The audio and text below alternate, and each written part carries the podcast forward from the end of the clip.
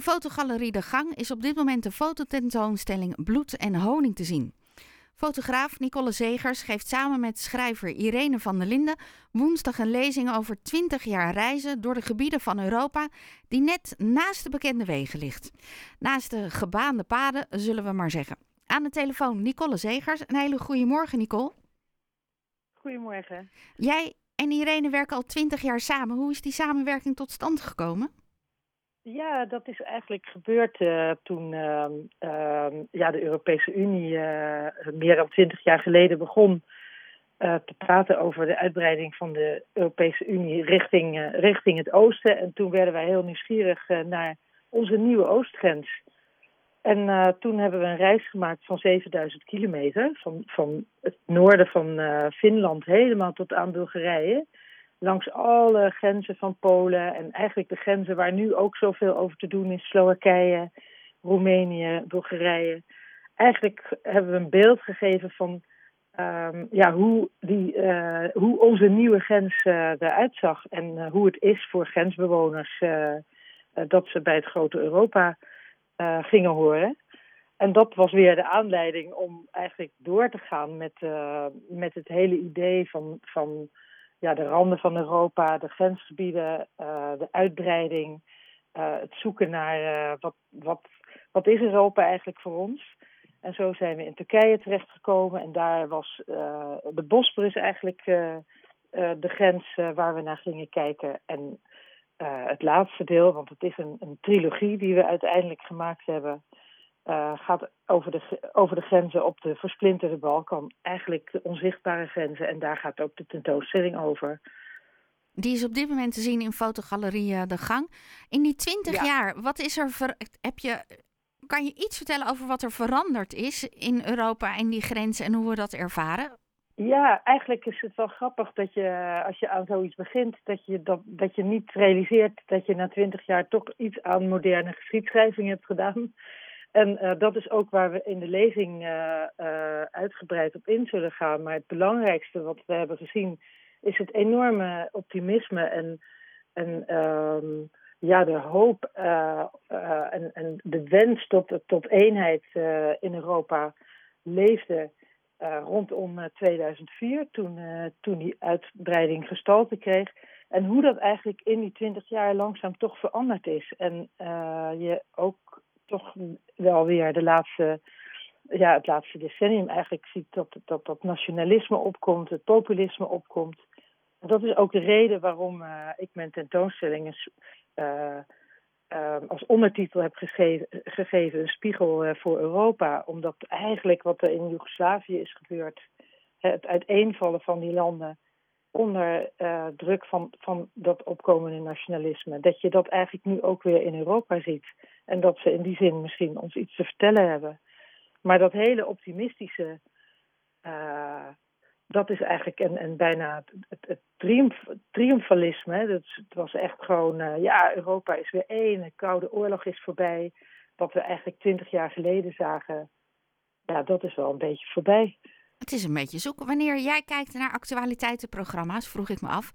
Uh, en je hebt politici en deskundigen die gaan praten over de problematiek in Europa. Um, ja. Zitten dan de goede mensen aan tafel? Heb je dan toch het. Weten zij wat er speelt? Nou, ik, uh, het is wel een hele leuke vraag die je stelt. Want um, um, nou, ik, ik wil niet altijd kritisch doen naar andere mensen. Maar ik vind, ik mis wel vaak uh, het geluid van, van de nieuwe landen op de goede manier. En ik denk uh, dat, dat, dat ook, zeg maar, uh, nu op de Balkan, waar wij dus door, door de landen van ex-Jugoslavië en Albanië gereisd hebben en heel veel mensen gesproken en ontzettend veel gezien hebben, dat mensen ons echt iets te vertellen hebben en dat we iets kunnen doen met die ervaringen. En, ehm, en dat heb ik eigenlijk ook al gemerkt toen we ehm, met ons eerste project langs die nieuwe oostgrens reisden. Dat ja, er was eigenlijk een soort stemming van uh, wat, uh, ja, ook misschien hè, naast het optimisme ook wel een soort angst dat iedereen hier naartoe kwam. En zij hadden natuurlijk aan de andere kant van het fluwelen gordijn gezeten, hè, in, in een communistische situatie. Um, maar dat wil niet zeggen dat mensen ook gewoon ervaringen hebben en visies hebben die misschien wel heel belangrijk zijn. En daardoor zou ook wellicht wel wat meer begrip komen voor wat er nu in Europa speelt. Dus ja. Maar vind je dan, dus je aan tafel mogen. Ja. sorry, wat wij. Nee, nee, dus eigenlijk de mensen die nu aan tafel zitten laten wel een heel stuk liggen waar je uiteindelijk binnen Europa de winst zou kunnen halen, wat er wel bij elkaar te halen valt. Ja, ik denk het wel. Ik denk dat er uh, toch wel nog steeds heel erg vanuit een, een, een westers, uh, dus West-Europees perspectief uh, gekeken wordt.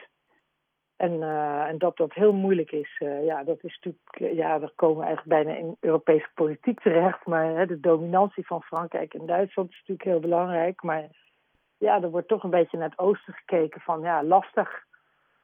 Ja. En ik denk dat dat ook anders kan. Nou, dat kunnen mensen bij jouw lezing horen, samen met Irene.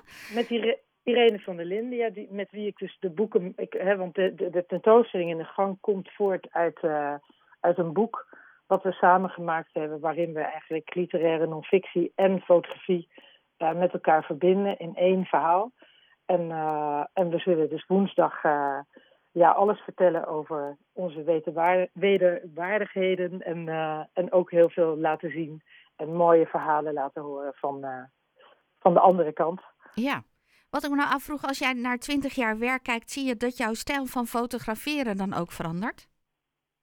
Um, ja, er is zeker wel iets veranderd. Uh, ik weet niet of de stijl veranderd is, maar um, ja, ik ben wel van, van zwart-wit naar kleur gegaan. Maar het is eigenlijk ook. Uh, heeft het, loopt het misschien parallel met waar ik het nu over heb? Ik, ik heb het gevoel dat in het eerste project uh, ik veel meer bij mensen was. Uh, veel dichter op de huid van, van mensen zat en in hun dagelijks leven. En bij het laatste project zie je toch veel meer um, een menselijke aanwezigheid in het beeld. Door sporen van mensen en door sporen van, van de versplintering en het trauma ook wat we in deze gebieden zien. Dus in die zin um, ja, is de fotografie ook veranderd. Gewoon mee veranderd met, met, met het onderwerp. Nou, we kunnen het ja, allemaal... Natuurlijk. Ja? Je ontwikkelt je altijd. Ja, gelukkig. dus, ja, ja. um, Nicole, dankjewel dat je even bij ons in de uitzending bent geweest. En heel veel plezier woensdag. Nou, ontzettend leuk. Jij ook, ontzettend bedankt. Graag gedaan.